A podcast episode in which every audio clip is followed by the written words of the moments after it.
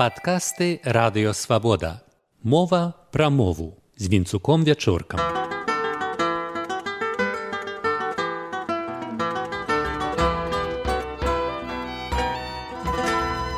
Вітаю шаноўнае спадарства.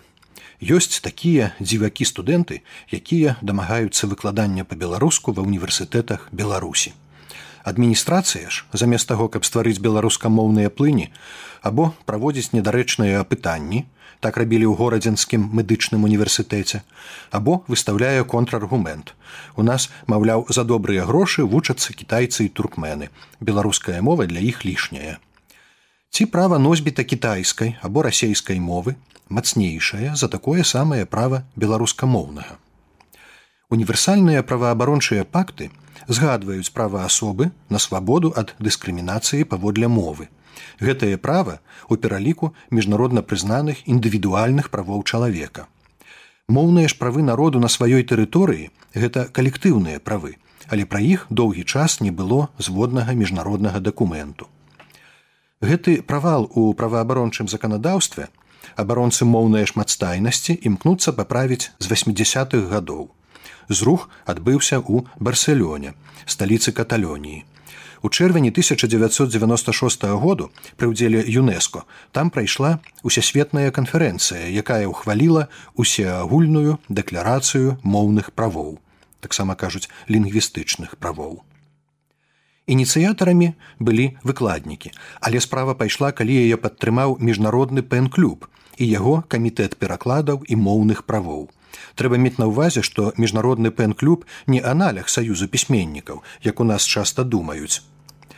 А найстарэйшая ў свеце праваабарончая арганізацыя якая выступае за непарушнасць права пашыраць думкі у кожным народзе і паміж народамі за правы пісьменнікаў і журналістаў ды моваў У барселёнскай канферэнцыі бралі ўдзел 102 нацыянальныя пэн-цэнтры, іншыя арганізацыі, юрысты, лінгвісты, міжнародныя службоўцы дэкларацыю прынялі супольным урачыстым ухваленнем і перадалі ў ЮНЕСКО для далейшай легалізацыі ў арганізацыі аб'яднаных нацыяў.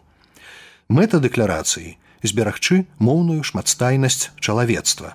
Дэкларацыя трэба дзеля выпраўлення моўных перакосаў, забеспячэння павагі да ўсіх моваў да іх поўнага росквіту, а таксама дзеля усталявання прынцыпаў справядлівага і бесстаронняга міру паміж мовамі ўсёй планеты. Беларусь пачатку 90-х інтэнсіўна далучылася да справы.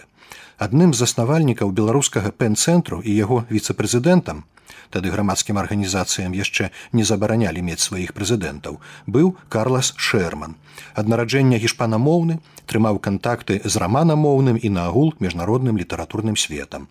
Шерман сабраў групу беларускіх экспертаў для патрэбных менавіта нам дапаўненняў і рэдакцыйных зменаў а падпісаў ад беларусі дэкларацыю василь быкаў. У яго аказалася добрае таварыства. За дэкларацыю выступілі 11 нобелеўскіх лаўрэатаў сярод якіх пісьменнікі віслава шымборска актавіо пас яго святасць далай лама нельсон мандела ясер арафат народжаны ў беларусі прэзідэнт ізраілю шымон перес ды іншыя. З творцаў дэкларацыю ухвалілі славуты каталёнскі тэнар жузеп карэрас і знакаміты брытанскі музыка. Колішні лідар гурта дженезіс а цяпер носьбіт тытулу чалавек міру Пітер гейбрэл Ён лічыць што урок музыцы зусім не павінна панаваць ангельская мова. Мы павінны цаніць і аберагаць нашыя культурныя адрозненні. Генафонд не ў стане спарадзіць трывалае і энергічнае новае жыццё калі няма шырокай геннай разнастайнасці. Гэта слушна таксама для культуры і мовы нездарма адзін з вечных гітоў гейбрыяла завецца не здавайся тут ён спявае скейт буш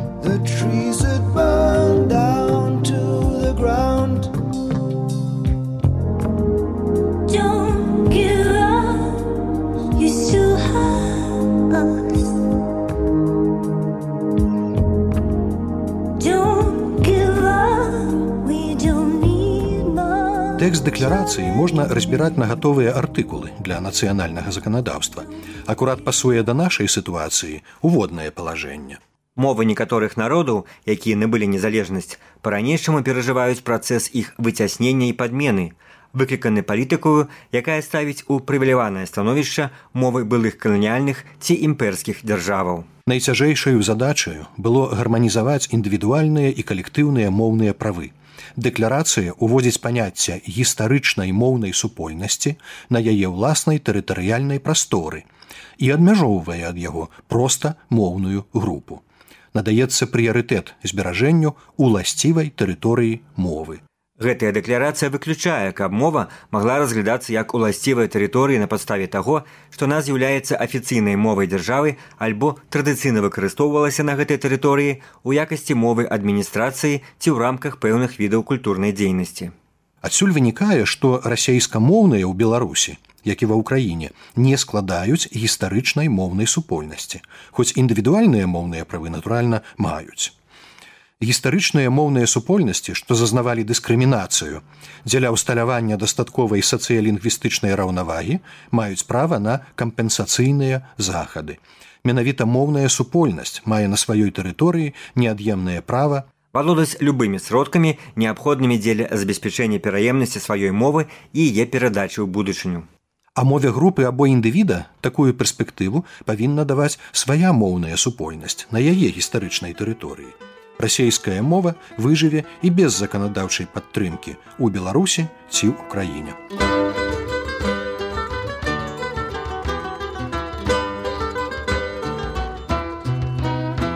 Мы ўжо гаварылі што усеагульная дэкларацыя моўных правоў была ўхваленая ў барселёне ў 96 годзе з ініцыятывы міжнароднага пен-клубу найстарэйшай у свеце праваабарончай арганізацыі і міжнароднай асацыяцыі с'емен каталянская абрэвіятура цэнтр этнічных мяншыняў і нацыяў імя эскарэ у 90-е гады калі інтэрнэту яшчэ не было брашура з дэкларацыяй па-беларуску хадзіла па руках. Здавалася што неўзабаве дэкларацыю ухваліць аан і афіцыйны менск хоцькі няходзькі будзе вымушаны яе выконваць.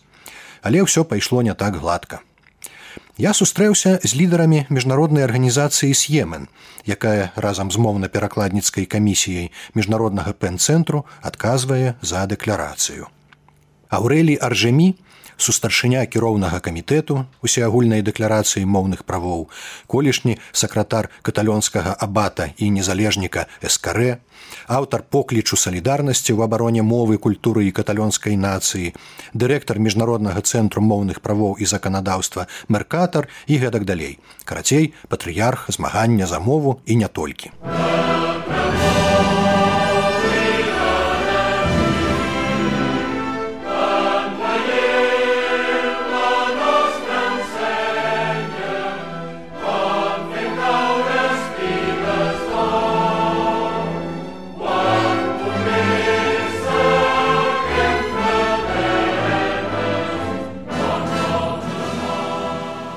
Гімн каталёніі хай вораг трымціць пабачыўшы наш сцяг. Другім суразмоўцам быў маладзейшы давід фарньес кіраўнік даследніцкага дэпартаменту с'емен вось што распавялі мне каталёнскія калегі. Ідэі дэкларацыі ўжо жывуць у канстытуцыях і заканадаўстве асобных дзяржаваў. Паўднёваамерыканцы цытуюць дэкларацыю ў канстытуцыях. Урад гішпаніі яе выкарыстоўвае ў афіцыйных дакументах моўнага права Гэта добра, але што на глябальным роўні пытаюся я. У канцы 90-х лінгва пакс, моўная структура ў складзе ЮНЕСКО, УАН адказвае за адукацыю, навуку і культуру, ухваліла дэкларацыю ў цэлым. Акурат тады старшынём ЮНЕСКО быў каталёнец Федерыка майор Сарагоса, якому не трэба было доўга тлумачыць, на што чалавецтву моўныя правы. Але на жаль, ён асабіста не змог удзельнічаць у той сесіі ЮНЕСКО, дзе дэкларацыю мелі перадаць на генеральную асамблею. А іншы спавяшчальнік ставіўся да дэкларацыі не надта прыхільна і ў выніку наконт яе нават не галасавалі. Вось такая роля асабіста нацыянальнага фактару ў міжнароднай палітыцы. Стратэгія была змененая. С'емен і Пен спрабавалі давесці дэкларацыю моўных правоў наўпрост да генеральнай асамблеі. І вось прадстаўніца балівіі прызначаная эва маралесам а ён аўтахтонны амерыканец то бок індзеец з паходжання узялася паставіць дэкларацыю парадак дня.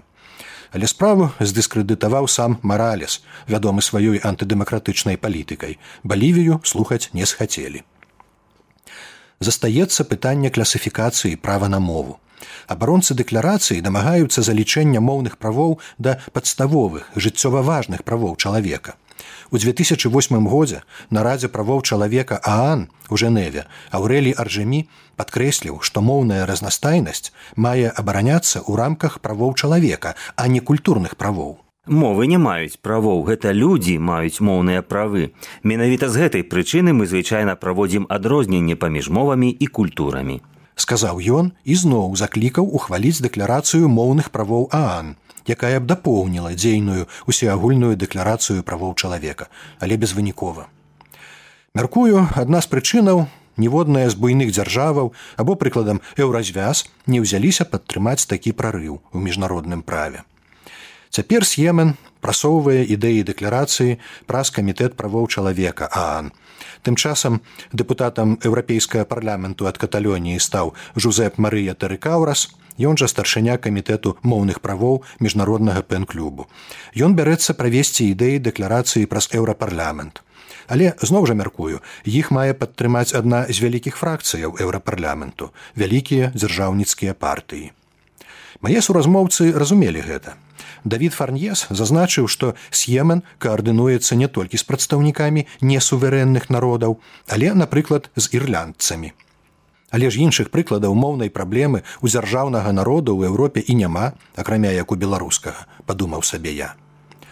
Барацьбу за моўную разнастайнасць свету працягвае цэлы архіпелях арганізацыяў. Гэта еўрапейскае бюро менш ужываных моваў, згаданы інстытут экспертаў ЮНЕСКО лінгва Пакс, які асеў у барселёне, абсерваторыя моўных правоў, якую стварылі баскі і гэтак далей. Гэта пераважна меншынёвыя арганізацыі пэўна негалосна лічыцца, што калектыўныя правы моваў дзяржаватворчых народаў і так абароненыя іхнымі дзяржавамі. На шчасце размешчаны ў Лондоне міжнародны пэн-клуб не мае кляйма мінарытарныя структуры. У 2011 годзе кангрэс у каталёнскай жыроне ухваліў жыронскі маніфест моўных правоў, які сцісла паўтарае ідэі усеагульнай дэкларацыі. Кожная моўная супольнасць мае права выкарыстоўваць на сваёй тэрыторыі сваю мову як афіцыйную. Аан мусіць прызнаць права выкарыстоўваць і абараняць уласную мову адным з асноўных правоў чалавека. Пакуль што права на мову і як індывідуальнае права чалавека і пагатоў як калектыўнае права народу па-за ўвагаю іншых міжнародных праваабарончых арганізацыяў.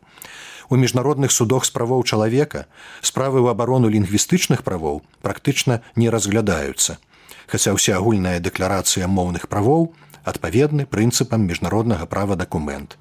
Таму грамадскія, у тым ліку праваабарончыя і палітычныя структуры Беларусі, якія называюць сябе дэмакратычнымі і сёння могуць падтрымаць дэкларацыю. З вами быў Венцук вячорка.